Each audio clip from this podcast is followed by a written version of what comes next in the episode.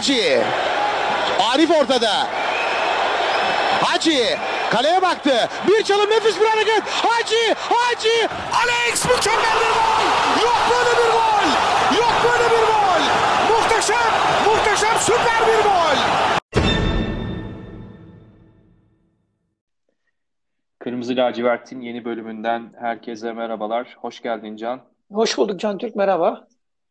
Merhaba. Bugün ajandamızda Fenerbahçe'nin Sivasspor mücadelesi var. Ee, Fenerbahçe deplasmanda 1-1 berabere kaldı Sivas'la. Puan kaybı yaşadı. 5 maçlık galibiyet serisinden sonra 6. maçta 2 puan bıraktı.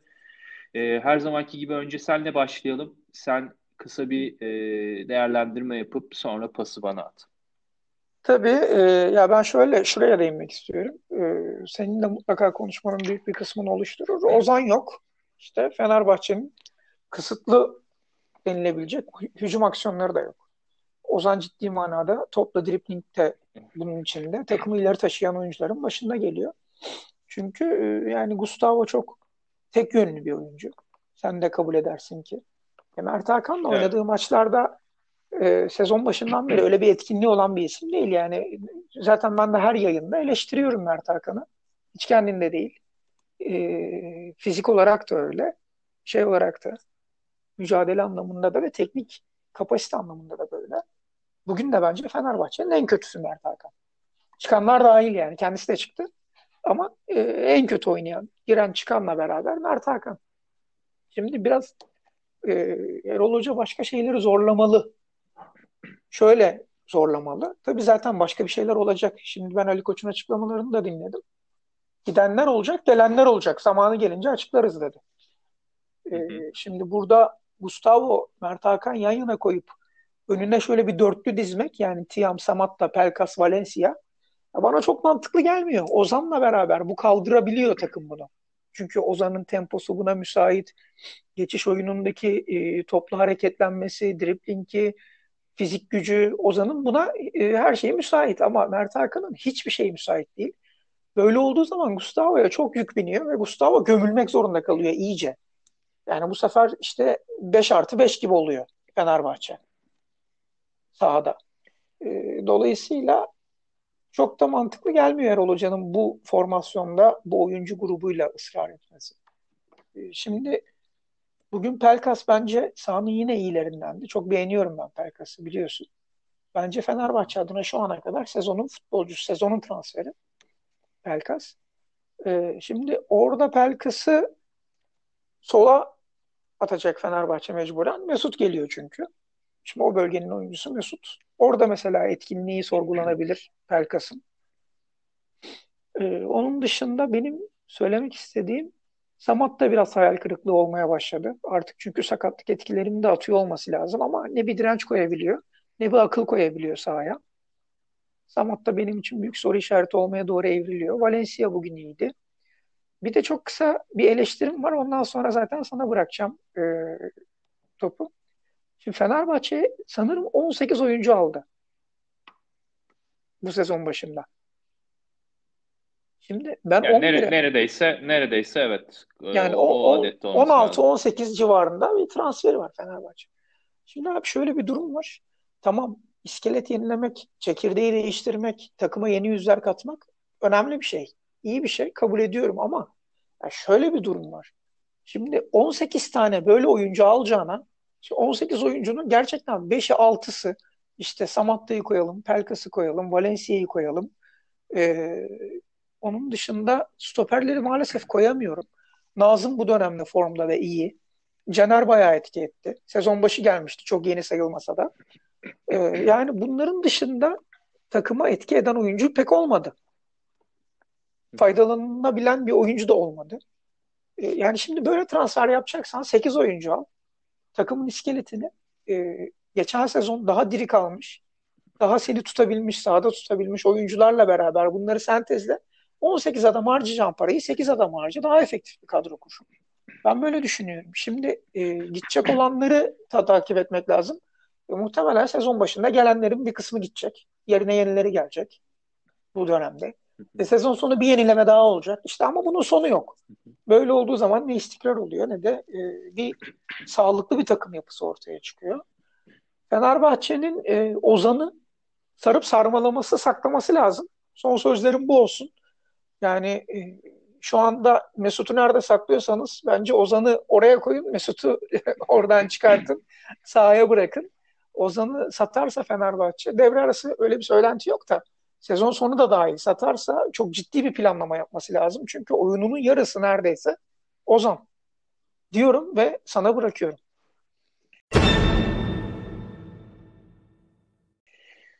Ee, şimdi şöyle maçı değerlendirecek olursak e, Fenerbahçe bugün 6 oyuncusundan eksikti aslında. Ee, yani yeni transferi de sayarsak 6 oyuncu yoktu. Perotti, Ferdi, e, Ozan, Ozan Cezalı, e, Tolga, Sinan.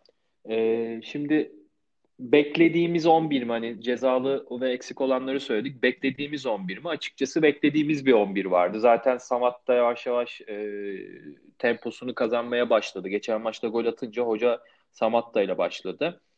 Yine Pelkas, Valencia, Tiam. E, Ozan olmayınca Mert Hakan'la Gustavo'yu ortada sahaya sürdü. Geri dörtlüde de e, belki hani Novak yerine Caner tercih edilebilirdi ama e, belki de geçen maç kazanan 11'de olduğu için Novak tercih etti. Sadık ve Tisserant'la başladı. E, galiba sert geçecek maçlarda Sadık'ı hoca oynatacak. Ben onu anlıyorum. E, onun sertliğine, onun e, sert savunma tarzına güveniyor. Sağ tarafta Nazım vardı. Kalede de her zaman gibi Altay vardı. Şimdi e, ben birkaç tane çarpıcı noktaya değineceğim.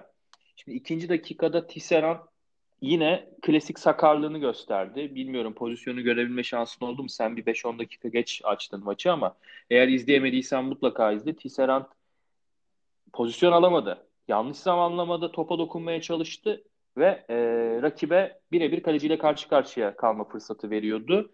Zaten o pozisyondaki o zamanlama hatasında ayağını yanlış basması sebebiyle de sakatlandı. Sonra 2-3 dakika sonra çıktı Lemos girdi. Yani e, Fenerbahçe'deki stoper problemi maalesef hala devam ediyor. İkinci bir çarpıcı konu Fenerbahçe golü yediği sırada hemen istatistiklere bakayım dedim. Çünkü maç belli ediyordu zaten. Takım hiçbir şekilde bir şey oynamıyordu ama e, %64'tü Sivasspor'un topla oynama oranı ve Fenerbahçe'nin hiç şutu yoktu. O an mesela ben fark edememiştim yani. Takım paralize etmiş beni. Onu onu ben de ee, gördüm ya. %64'tü ve Fenerbahçe'nin şutu hiç yani kaleyi bulan değil, bulmayan da yoktu. Evet evet. Ben e, bir tane isabetsiz var diye hatırlıyordum ama sonra e, istatistiklere tekrar bakınca gördüm ki yokmuş. E, ve hani Fenerbahçe gol yediği sırada e, dakika herhalde 18-19 falandı. O sırada %64 Sivas Spor toplu oynuyordu.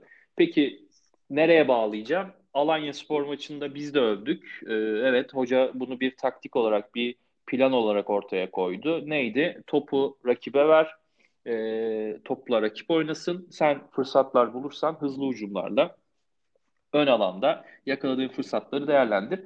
Şimdi bugün şöyle bir şey oldu. Birincisi bilmiyorum sen ne düşünüyorsun? Sen de oraya mutlaka ekleme yap. Biz e, evet topu rakibe verdik. Golden sonra biraz böyle hareketlenip evet oyunu dengeledik. Maç sonunda istatistikler de Fenerbahçe lehine ama topla oynamada. Fenerbahçe topu rakibe verip hiçbir şey yapmadı. Hiçbir şey yapmadı. Bekledi. Statik oynadı. Ee, gol geldikten sonra yine bir ilk 5 dakika golden sonra Sivas Spor ikinciyi atacakmış havası yarattı.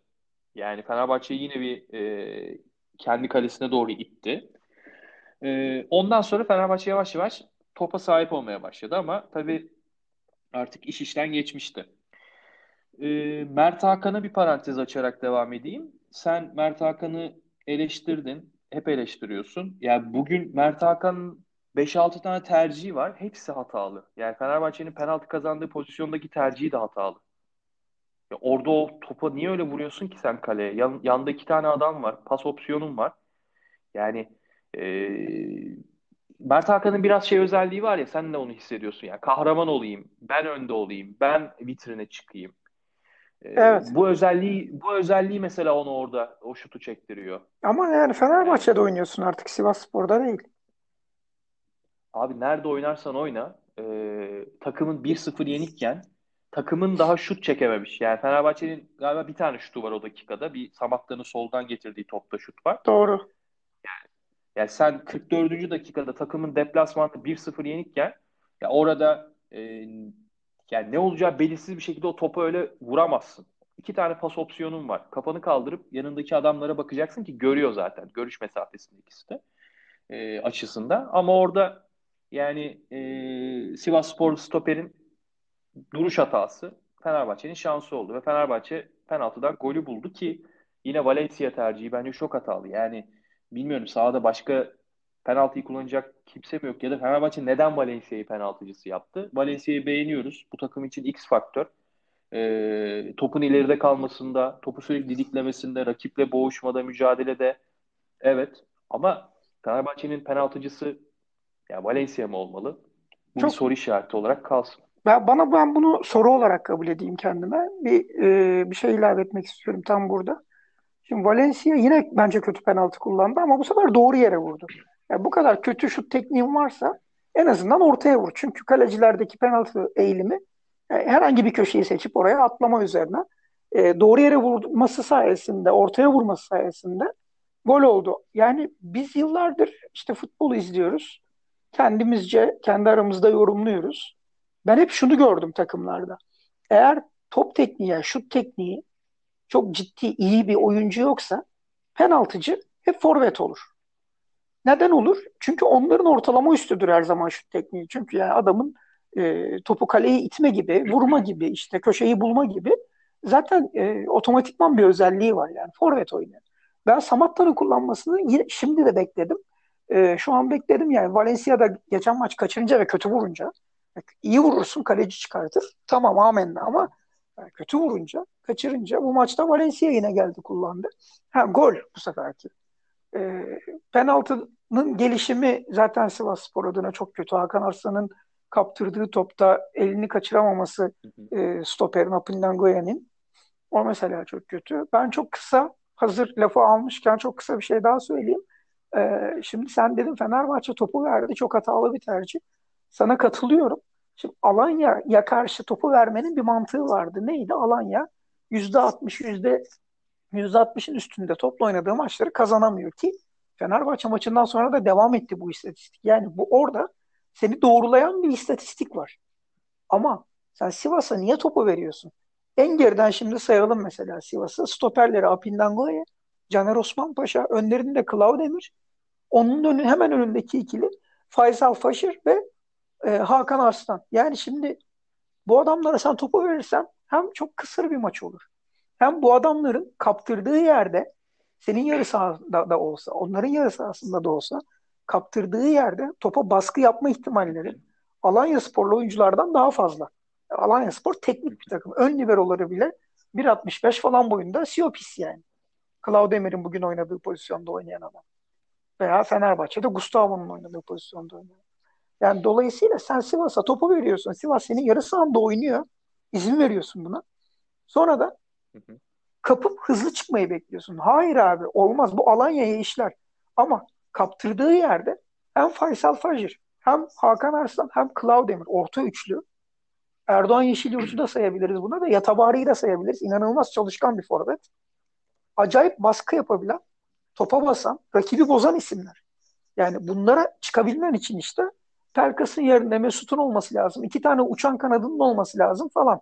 Yani çok seçenek olması lazım. Ve Ozan'ın olması lazım her şeyden önce.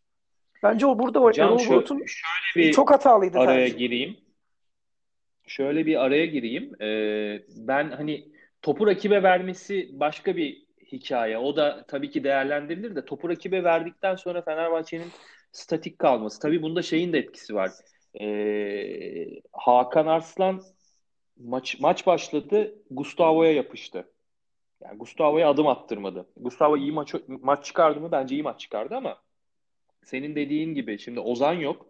Ozan olmayınca dribbling patlamayla dikine koşu yapacak, topu taşıyacak bağlantıyı Fenerbahçe e, kalesiyle, Fenerbahçe savunmasıyla, Fenerbahçe hücum arasında bağlantıyı kuracak oyuncu yok. Yani şimdi bazen şöyle bir sahne yaşandı e, birkaç kez maçta.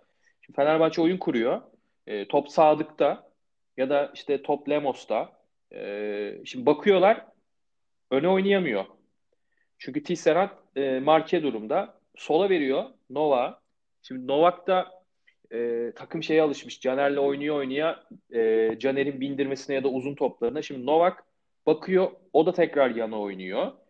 E çünkü orada e, ya Mert Hakan zaten öyle bir profilde oyuncu değil. Geleyim, top alayım, oyunu kurayım. Zaten o bölgenin oyuncusu değil de hani Gustavo da gelemiyor. Demarke duruma düşemiyor. E Ozan yok. Ozan olmayınca yine orada bir kişi eksik kalıyorsun. E bunun yokluğunu Fenerbahçe inanılmaz hissetti.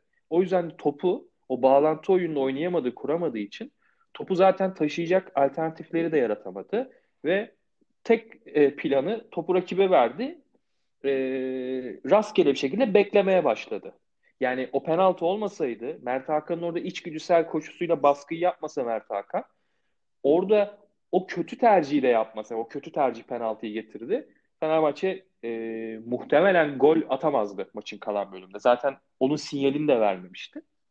E, o yüzden hani Fenerbahçe'nin sezonun geri kalanı için çözmesi gereken senin o dediğin söz çok önemli. Yani e, Ozan'ı nerede saklıyorsanız Mesut'u orada saklayın diyorsun ya. Ozan'ın gerçekten takım için ne kadar değerli olduğu sadece tabeladaki o 4 gol 4 asisti 5 gol 5 asist değil. Yani Ozan'ın varlığının takımın oyununa nasıl seviye atlattığının göstergesiydi. Yokluğundaki Fenerbahçe'nin düştüğü durum. Ee, evet şu an herkes şey diyor olabilir. Yani Sivas deplasmanı, zor deplasman. Ya kesinlikle katılıyorum. Zor deplasman. Yani Sivas deplasmanı. Ama yani e, Fenerbahçe bugün şimdi berabere kaldı ama Sivas Spor'da baktığında hiçbir şey ortaya koymadığı için berabere kaldı. Yani e, galiba e, Ön, Önder Özen söyledi. Çok güzel söyledi. Yani bugün biri gelse izlese bu maçı ligi tanımayan hangisi deplasman takımı kimse anlayamaz. Yani Sivas Spor da hiçbir şekilde bir şey vaat etmediği, ortaya bir şey koymadığı için Fenerbahçe bugün sağdan bir puanla ayrıldı. Yani e, maçtan önce de bence bize de sorsanız yani Sivas Spor deplasmanı bir puan iyi midir? Evet iyidir. Bu havada Ocak ayında oynuyorsun. Sivas Spor'un eksiği yok. Bir ay önce biliyorsun yani Sivas Spor kadro kuramıyordu. Kaleciye forma dikip oynatıyor, oynatma ihtimaline karşı kenarda oturtuyorlar. O biraz da şov Şimdi, ya. Koskoca Sivas Spor yıllardır ya, üst ligde altyapıda futbolcusu da mı yok? ya aldı ama işte o da yani e, Ali Şaşal galiba değil mi yedek evet. Ona da forma dikti. Ya şimdi e, bugün de mesela baktığında hiç eksiği yok. Eksi 15 derece. E, zemin zemin de hani çok böyle iyi değil. E, ne oldu? Oyun bir yerden sonra uzun topa dönecekti zaten ya. Fenerbahçe zaten pas oyunuyla çıkabilen, öyle stoperleri olan, bir de Ozan yokken topu ikinci, üçüncü bölgeye taşıyabilecek e, bir kadrosu yokken oyunun uzun topa döneceği belliydi. Şimdi buradan nereye götüreceğim? Samat da tercihine götüreceğim. Abi FM oynamıyoruz. Yani FM'de işte e, bitiriciliği 17, 18, 19 olan adamı alıp ki orada bile bazen bazı parametreler çok yeni oyunlarda özellikle yeni e, edisyonlarda çok önemli. Yani işte Samatta'nın iyi tek vuruşu var, iyi golcü. Ben e, Samatta ile başlayayım. Ama zemin kötü, topu da dikeceğim. E, kim alacak abi topu? Kim indirecek? Ya Samatta ile şimdi herkes eleştiriyor Samatta'yı. Yerden yere vuruyorlar. Ya vurulur adam yerden yere. Çünkü bu oyunun golcüsü değil Samatta. Yani Fenerbahçe Samatta ile nasıl bir oyun oynamalı? Topu ceza sahasına yığmalı. Yani orada oynamalı. Ceza sahası çevresinde oynamalı Fenerbahçe. Fenerbahçe bilmiyorum ısı haritasına bakmadım ama yani belki belki, e, belki ikinci yarı son 15 dakika falan 20 dakika biraz Sosa'nın da girmesiyle o bölgede e, Fenerbahçe'nin etkinliği artmıştır. Isı haritasına da etkiler ama Fenerbahçe'nin ilk yarıda hatta ilk 60 dakikalık periyotta e, rakip ceza sahasının çevresinde bırak içine etkinliği yok. Çok yalnız kalıyor. Ve Samat da şöyle bir forvet. E, o bölgede oynayan, o bölgede koşan bir adam. Yani şimdi Samat orta sahaya gel, top al, al ver yap veya dik topu uzat, Samat indirsin. Bunu bekleyemezsin. Bunu beklediğin anda bu adamın yeteneklerine, bu adamın sana verebileceklerine de e, dur diyorsun, orada engel koyuyorsun. O yüzden belki Tiam tercih olabilirdi bu zemin için. Ki bence Tiam e, çıkmaması gereken bir oyuncuydu. Çok erken çıkardı hoca. Yani takımın iyilerinden biriydi. En azından e, o mücadeleyi, o sertliği gösterebiliyordu. Orada benim tercihim Samat da olurdu. Belki hoca şey de düşünmüş olabilir yani kalsın işte morallensin çünkü golcüler için öyledir ya sakatlanır döner. İlk maçında gol atarsa bir böyle bir mutlu olur ki e, hem kupada attı hem ligde attı Samat'ta. Burada da belki hoca onu da düşünmüş olabilir ama yani e, bir oyuncunun moral motivasyonu tabii çok önemli ama takımın da genel gidişatına da bakmak lazım. Sen aslında söyledin yayına girmeden önce. Ben ona çok dikkat etmemiştim. İki takımın da oyuncu değişikliği sayısı. Fenerbahçe 3 tane oyuncu değiştirdi. değiştirdi. Ee, Sivas Spor'da biri öyle. zorunlu değişik.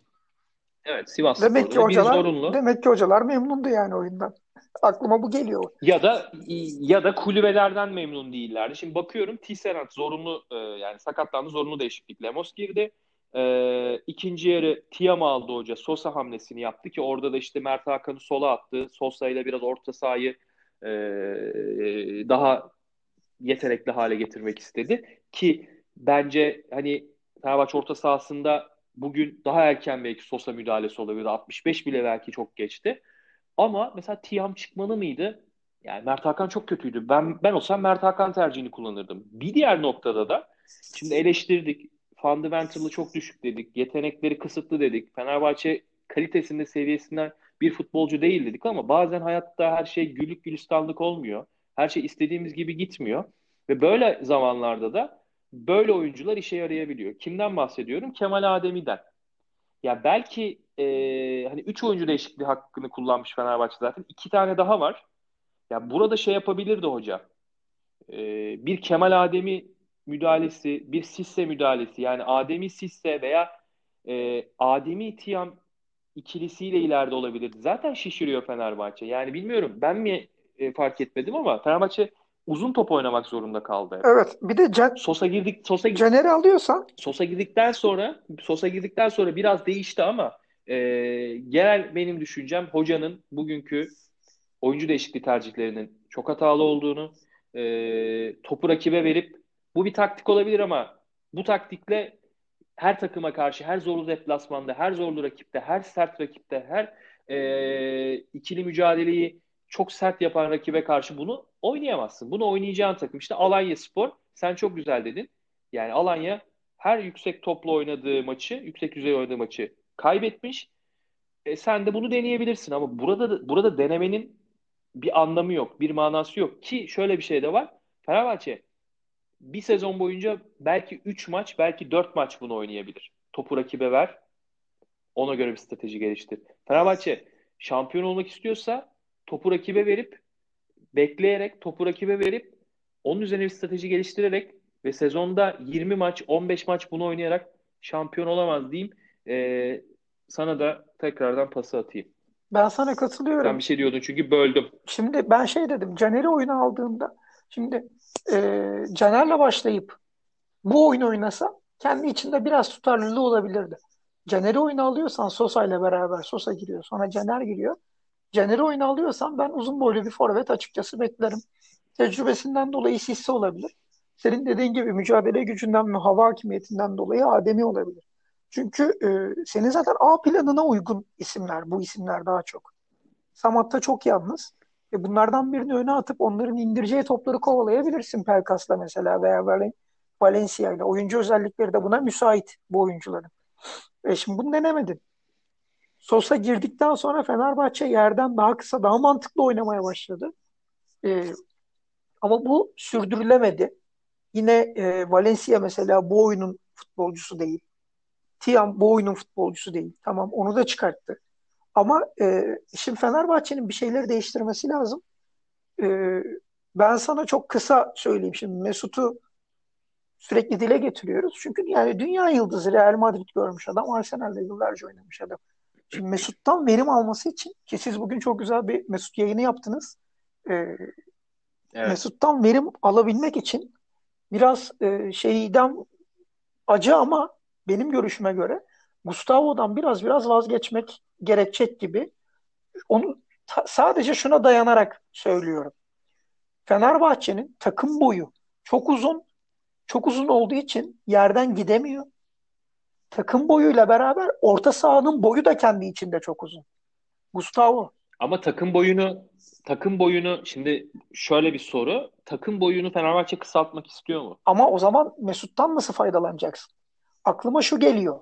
Yani Trabzon'da Sosa'nın faydalanıldığı gibi derinde Sosa, yanında Ozan, hemen onlarla beraber Mesut bence çok daha efektif bir orta saha olabilir. Sen ne düşünüyorsun? Senin fikrini merak ediyorum burada. Çünkü Gustavo çok stoperlerin içinde kalıyor. Öyle olduğu zaman onu dengeleyecek, o mesafeyi kat edecek bir Ozan da olmayınca işte böyle bir oyun ortaya çıkıyor. Bu çok aslında derin bir e, yani daha geniş de bunu konuşuruz ama benim oradaki görüşümü kısaca paylaşayım. E, bugün bence tartışmasız Fenerbahçe'nin hatta belki maçın en iyisi Gustavo'ydu. E, Gustavo ya sadece şöyle söyleyeyim herhalde bir tane bile ikili mücadele kaybetmedi. Ama sadece ikili mücadele kaybedip kaybetmemesi değil. Sahadaki e, mesela sen Muslera ile ilgili konuşurken de söyledin onu. Sahadaki liderliği önemli. Yani Gustavo bazen e, yanındaki arkadaşına e, pası nereye atması gerektiğini, stoperin nasıl kademeye girmesi, nereye doğru koşması gerektiğini, işte sol bekin, sağ bekin nasıl çıkması gerektiğini, hangi yere doğru topu atması gerektiğini bile gösteren bir e, takım aklı, takım lideri. Yani Mesut geldiğinde, Mesut bu takıma girdiğinde e, evet katılıyorum. Takımın boyu çok uzun. E, onun kısalması lazım Mesut takıma girdiğinde. Ama Fenerbahçe onu istiyor mu? Yani Fenerbahçe hoca onu istiyor mu? Neden böyle diyorum onu söyleyeyim sana. E, çünkü şimdi Sadık'la başlıyorsa hoca yani şey de bu arada hani Lemos'ta ya da ne bileyim Serdar da işte ayağı çok temiz, ayağı çok iyi iyi oyun kuran, geriden oyunu başlatan stoperler değil ama eğer hoca Sadık'la başlıyorsa bir mesaj veriyor. Sadık'ın en ciddi en büyük özelliği ne? Ee, geriye yaslanan savunmada daha az defosu ortaya çıkıyor. Yani adamın özelliği bu. Şöyle bir şey var, yüreğiyle oynuyor. Çok mücadele ederek oynuyor. Kendisini topun önüne siper ederek oynuyor. Mesela bugün e, herhalde sıfır hatayla oynadı şöyle bir düşündüm de hiç Sadık'ın bir hatası yok. Ama niye hatası yok? Fenerbahçe kale önünde oynuyor zaten bu Evet. oyunu. Stoperleri. Yani Fenerbahçe onu söyledim işte biraz önce aslında konuşurken. Ozan'ın varlığı ve yokluğu arasında geceyle gündüz olması takımın bu yüzden. Fenerbahçe o bağlantı kuracağı oyunu yapamıyor. Yani evet Sadık aldı Altay'dan. Önünde kim var? Gustavo geliyor. Abi Gustavo aldı kime verecek? Yani Pelkas da uzak adama. Şu Pelkas'ın da oyun alanı, oyun karesi, oyun bölgesi orası değil. E şimdi ne oluyor? Bir sonrakinde Altay topa vuruyor. Abi Samat da indiremez o topu. Evet o da öyle bir oyuncu değil. Ya zaten değil. Onu bekleyemezsin. E, rakibin de stoperleri çok fizikli. İndiremez yani onların arasında. Çıkıp alamaz. O zaman oraya hoca müdahale edecekti. E, Samat dayı belki oyun içerisinde zaman zaman değiştiler bu arada. E, işte Valencia, Samatta, Tiam kendi işlerinde Evet evet onlar dön- dönerek oynuyorlar gibi. zaten genelde. Orta sahada da yaptı Fenerbahçe. Pelkas bir sola kaydı. Mert Hakan geldi. Mert Hakan sola kaydı. Pelkas ortaya geçti ama ya bu tek başına yeterli olmadı. Orada oyuncu müdahalesi de yapması lazımdı. O da gelmedi. Ee, yani Kemal Ademi'den okey tamamen umudu kesmiş olabilirsin. Ama bazen e, o müdahale, o oyuncuyu oyuna almak ya biz burada konuştuk ya yani şimdi Donk'un forvet oynaması şey aslında yani e, trajikomik bir şey Donk'un forvet Yani oynaması. acziyet Ama- abi acziyet. Yani şöyle yok yok yani olmadığı için. Falcao'yu aldın işte Abi sakat. ben de ben de şöyle düşünüyorum ama ben de şöyle düşünüyorum. Evet dediğine katılmakla beraber ek olarak da şöyle düşünüyorum. Yani e, bazen öyle bir durumdur ki elindeki en iyi seçenek en saçma seçenek olabilir. O yüzden de orada e, Kemal Ademi sen tamamen artık umudunu kestiğin, yani 6 ay önce transfer ediyorsun, niye ettin o da ayrı bir konu da 6 ay önce transfer ettiğin adamdan umudunu kestin, ümidini kestin. İşte çok hızlı oldu Fenerbahçe'de bu bu adam- iş ya. Sadece Ademi değil. İşte Genel bu olarak adam- hızlı oldu. E değil evet doğru doğru. Ha, bu adam ama bu maçın oyuncusu olabilirdi. Yani mesela e, neyi değiştirebilirdi negatif anlamda diye düşünüyorum Adem'in de olması. Fenerbahçe çok bir şey kaybettirmezdi. Belki indireceği bir top başka bir yere getirebilirdi oyunu diyeyim. e, yani Fenerbahçe 2 puan kaybetti. Kağıt üzerinde baktığında işte 6 maçlık yine bir namalip seri var. Hiç de kötü 6 değil. maç 16 Aynen. puan. Hiç de kötü değil. Hiç kötü değil. Ama ortada geçen de konuştuk hatta Kutay'ın olduğu yayında. Ben oyun yok, oyun yok, oyun yok dedim. Kutay da dedi ki yani oyun yok, e, bu adam iyi diyorsun. Oyun yok, şu adam iyi diyorsun. Ya hala yok, Yok. oyun. Oyunu bulamadı, bulamadı Fenerbahçe. E, ne oynadığını, ne oynayacağına karar veremiyor. Olabilir deplasmanda farklı oynarsın, içeride farklı oynarsın. E, şampiyonluk yarışı veren rakiplerine karşı başka oynarsın. Olabilir. Ama Fenerbahçe'nin böyle bir opsiyonu opsiyonları yok yani. Fenerbahçe rastgele oynuyor. Mesela Erzurumspor maçında konuştuk seninle. Fenerbahçe 41. dakikaya kadar bir şutu yoktu. 52'de 3-0 Evet. öndeydi. Evet, evet, Hatırlıyorsun evet. değil mi? Bir de Erzurum'da yine ne çetin bir deplasman ama Erzurum'un farkı neydi? Daha az yetenekli, daha yeni, daha yeni daha bir az, takım. e, daha yeni bir takım ki orada da şöyle bir cümle kurmuştum. E, Gomez'di galiba. Orada onun bir şanssızlığı oldu. Top eline çarptı kontrol ederken kendisine avantaj sağladı. O gol iptal edildi.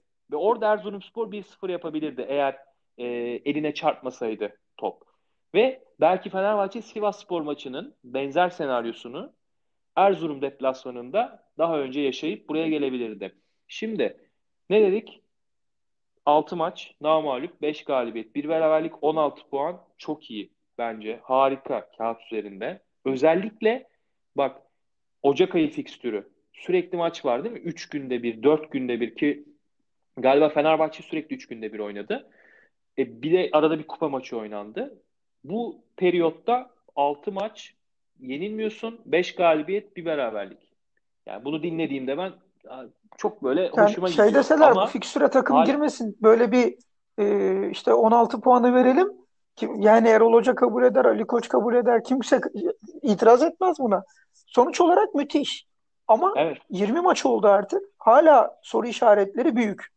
Eğer takımın çok kısa Evet. ben bitireceğim hemen sonra işte e, sen yayını kapatabilirsin son sözlerinde. Eğer takımın A planı buysa ben buna da saygı duyarım. Takımın A planı, Fenerbahçe'nin A planı buysa bunu oynayacaksa olabilir. Tercihtir, saygı duyarım. Bunu da iyi oynayan takımlar ve sonuç alan takımlar var. Ama e, yatırım çok başka. Yatırım farklı tipte oyunculara, farklı oyunun oyuncularına ciddi yatırım var. Oynanan oyun başka. Şimdi Erol Bulut'u da zora sokacak bu iş.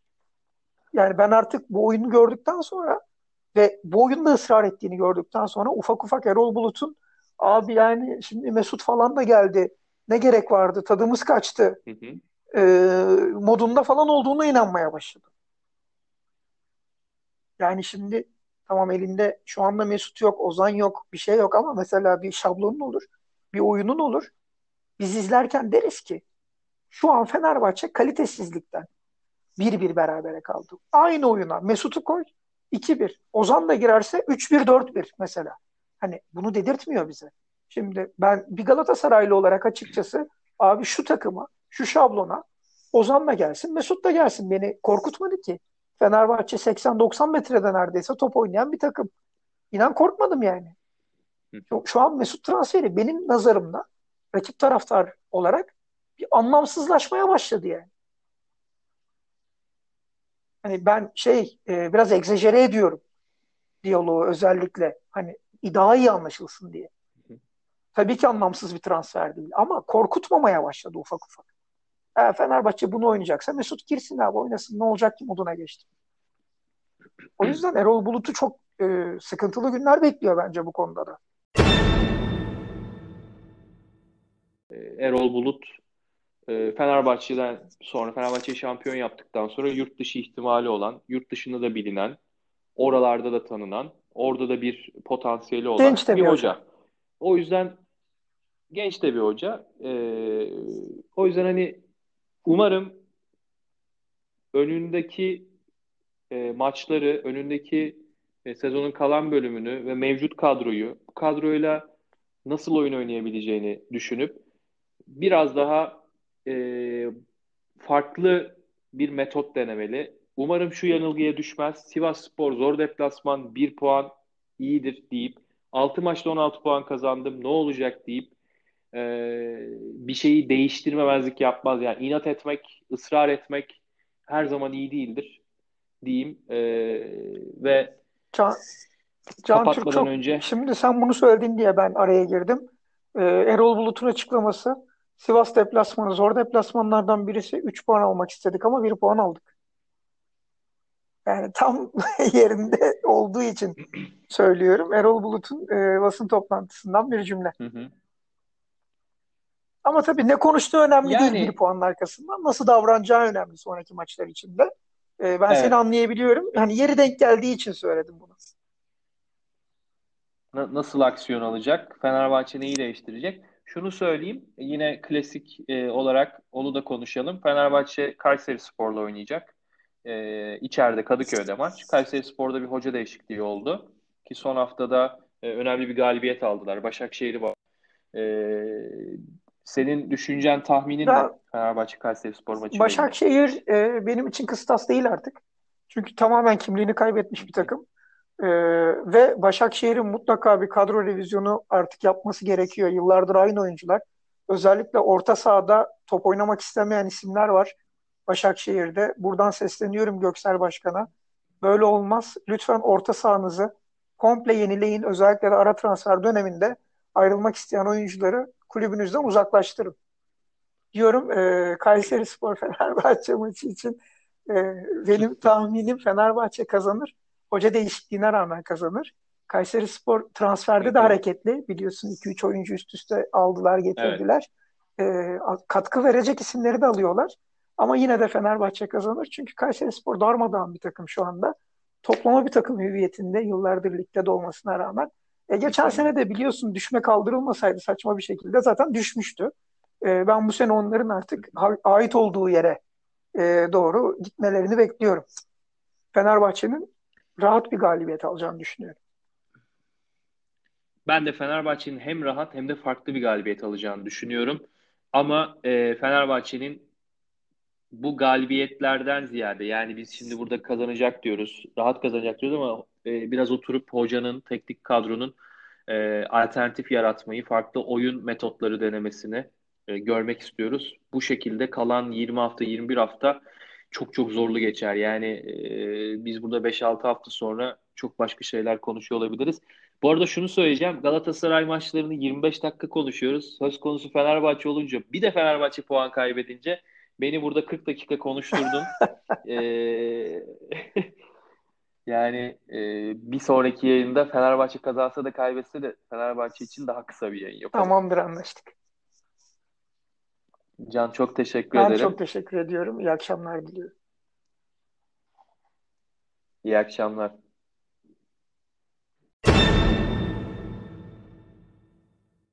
Hacı. Arif ortada. Hacı. Kaleye baktı. Bir çalım nefis bir hareket. Hacı. Hacı. Alex mükemmel bir gol. Yok böyle bir gol. Yok böyle bir gol. Muhteşem. Muhteşem süper bir gol.